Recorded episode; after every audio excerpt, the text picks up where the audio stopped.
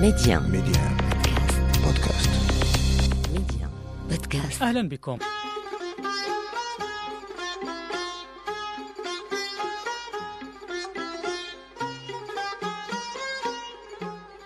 الدين والفن. علاقة أشبه ما تكون بالتكاملية.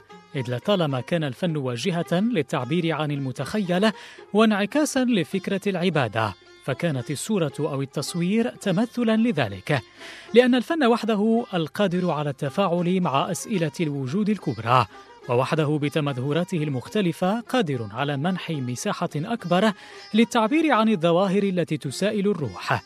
بالمقابل لطالما كان الدين ولاد أفكار والهاما للفنانين الدين والفن إذن هما معا غايتهما البحث عن صفاء الروح واستحسان الجمال في الخلق الإلهي. جوهرهما هو استفزاز الفطرة الإنسانية للتأمل والبحث عن الأجوبة أبعد من ذلك كان الفن والجمال مدخلان للإيمان أحيانا وقصة إيمان بلقيس برب النبي سليمان بعدما رأت واندهشت وانبهرت بقصره المتناسق وجماله البديع كما تلخص الآية الرابعة والأربعون من سورة النملة بالقرآن الكريم دليلا على ذلك. لكن علاقة التكامل هاته نحت نحو الالتباس والتشنج أو بدرجة أقل سوء الفهم. وعن ذلك يتمحور موضوع هذه الحلقة. لاستبيان العلاقة بين الدين والفن نستضيف اليوم الدكتور والأستاذ الباحث فريد الزاهي. مرحبا بك أولا وشكرا على قبولك دعوتنا أنت أستاذ الكريم يعني شخص له باع في الدراسات المتعلقة بالحضارات حاصل على دكتوراه طبعا السلك الثالث في الأدب والحضارات. نستهل نقاشنا أستاذ الكريم بالحديث عن طبيعة العلاقة الجدلية التي جمعت دائما ما بين الدين والفن عبر التاريخ. هناك نوع من البراغماتية أحيانا في تقاطعهما باستغلال أحدهما للآخر في تمرير الرسائل والأفكار وأحيانا أخرى اتسمت هذه العلاقة بالتشنج والنفور بالنظر لما يمكن أن نصفه باللا تسامح الديني مع فكرة الرسم والتجسيد وتناول الجسد كموضوع فني وغير ذلك من أنواع الفنون. تبعا طبعا لنظرة فقهية أو مرسوم كنسي أو غير ذلك. اولا قبل أن نخوض في التفاصيل لماذا هذه العلاقة موسومة بالتشابك والالتباس والرقابة بين الدين والفن دكتور؟ اولا قبل أن أجيبك على هذا السؤال الفن كان منذ البداية مقدسا وممارسة التشخيص والتشبيه والترميز والتجسيم ربما صادق هو صادق على مجموعة من الديانات البدائية. لحد الآن لا تزال آثار لهذه العلاقة بين الفن والمقدس بصفة عامة لأن المقدس أعم من الدين من الناحية المفاهيمية. هذه هذه العلاقة نجدها لحد اليوم في الديانات البدائية الإفريقية والأقيانوسية.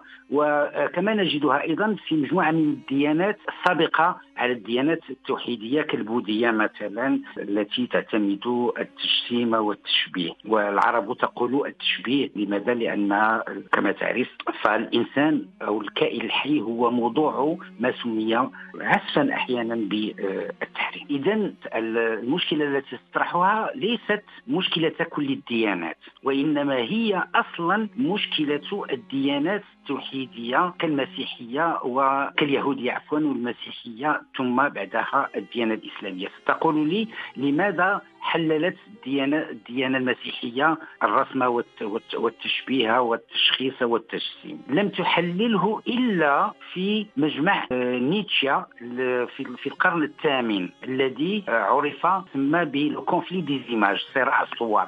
لأن لأن المسيحية التي استقت أسسها. العامة من الديانة اليهودية ظلت تحمل ذلك التحريم آه، الذي جاء في التوراة آه، والذي يمكن تلخيصه فيما يلي لن تصور شيئا تحت الأرض أو في السماء. إذا التحريم اليهودي إذا شئت هو تحريم قاطع أكثر من التحريم الإسلامي كما سنرى.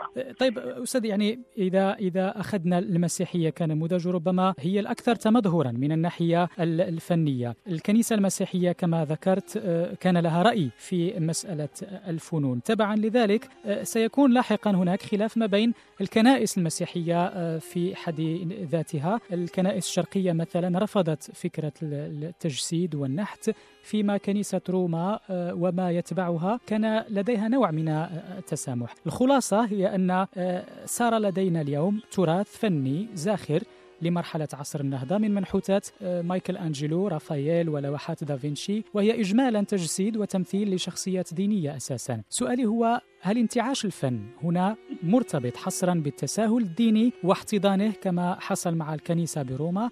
أم أنه يشترط كذلك قبول ثقافي شعبي أم آه، آه، شجاعة لبعض الفنانين تحديدا للتعبير عن الموهبة وعن مفهوم الجمال. ما تحدثت عنه بخصوص بعض المذاهب المسيحية الشرقية منها بالأساس فيما يتعلق بالموقف من التصوير ومن الصورة عموما هو نوع من الأصولية إذا شئت لأن الأصل في المسيحية في الديانة المسيحية هو الموقف اليهودي المسيحي. وما لا يعرفه الكثيرون هو أن آه، المسيحية الأولى في الشرق كانت تقول بعدم صلب المسيح وما صلبوه وما قتلوه وما صلبوه ولكن شبه لهم. ولذلك فهذه المسيحية التي إذا شئت ظل الإسلام وفيا لجوهرها باعتبار أن الإسلام هو بشكل أو بآخر جماع ديانات الثلاث في آخر الأمر.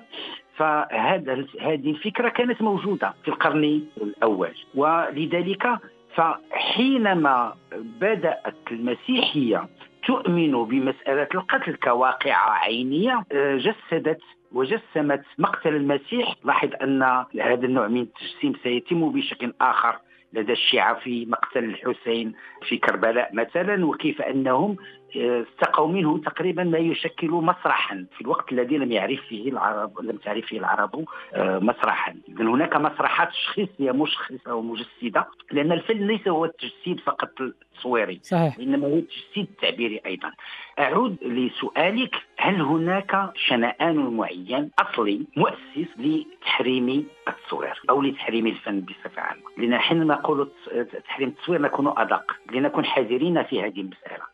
لم يحرم الإسلام الشعر وهو فن من فنون القول رغم أنه آه، اعتبر أن أعذاب الشعر أكذبه وبالتالي أن الشاعر هو كاذب ولا يتبعه إلا الغاوون. كان هناك شعراء قبل آه، رسول الإسلام بأن يتبنوا أو أن لا يتخلوا عن المقدمة الجاهلية التي كانت في أحيان معينة. خمرية. خمرية وإيروسية إذا شئت أو فيها نوع من الشبق.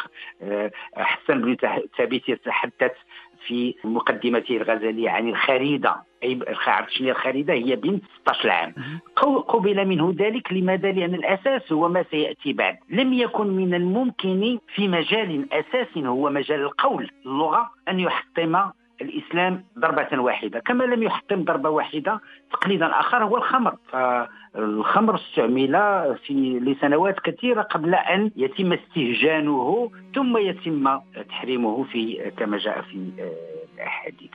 اذا لنبقى في مجال التصوير. فقط هو الذي يعتبر مشكلة أو الفن المشكل لدى العرب والمسلمين عموما. اولا أنا قمت بدراسة أثبتت فيها أن فن التصوير طرد من الباب وعاد من النافذة، وهذه الدراسة منشورة منذ أكثر من 22 سنة باش نشرتها. ما الذي توصلت إليه؟ اولا أن الإسلام لا يحرم إلا الصورة، ما هي الصورة؟ الصورة أصلا هي الوجه، في اللغة العربية الصورة هي اولا الوجه ثم الجسم ثم الظل ثم الرقم أي الرقم كل ما هو مرقوم لو سيني الستخي والرقش اي الزويق وكلمة صورة في العربية آه، من أغنى الكلمات التي يمكن أن نعثر عليها. أو ربما في, هذا السياق آه، دكتور وعذرا على المقاطعة ربما هناك رأي فقهي يقول بأن حرم كل ما فيه روح أو ما تدب فيه روح بمعنى ما يحيل على ما يحيل على آه، قدرة الخالق على الخلق ربما. ما حرم هو ما له هوية. أنا أنا درست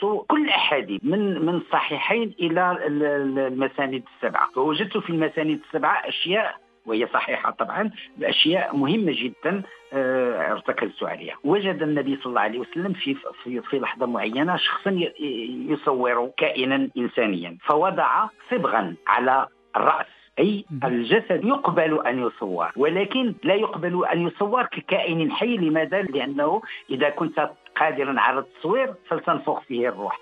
التصوير هو مضاهاة للخالق. هكذا أعتبر. ياك صحيح. إذا هذه المضاهاة لا تتم في التصوير فقط. لأن هنا نعود إلى صوركم آه، فأحسن صوركم. وإنما أيضا في العجز عن مضاهاة الخالق في نفخ الروح. ونفخ الروح لا يمكن أن يتم في جثه إحنا دابا عندنا جوج الطرق لتناول هذه القضية. إما الطريقة الفقهية وهذا هذه ليست مهمتي وإما الطريقة الأنثروبولوجية الثقافية والفينومونولوجية. التي تريد أن تفهم ما الذي حرك هذا التحريم ليس الذي أعتبره ليس كليا؟ سنعود لنفصل في هذه النقطة دكتور بشكل أوسع في العدد المقبل. اننا استوفينا اليوم وقت البرنامج. ممتن لك دكتور الزاهي وممتن أيضا لمستمعينا للمتابعة نعود ونلقاكم الأسبوع المقبل بحول الله في أمان الله.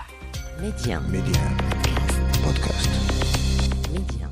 بودكاست.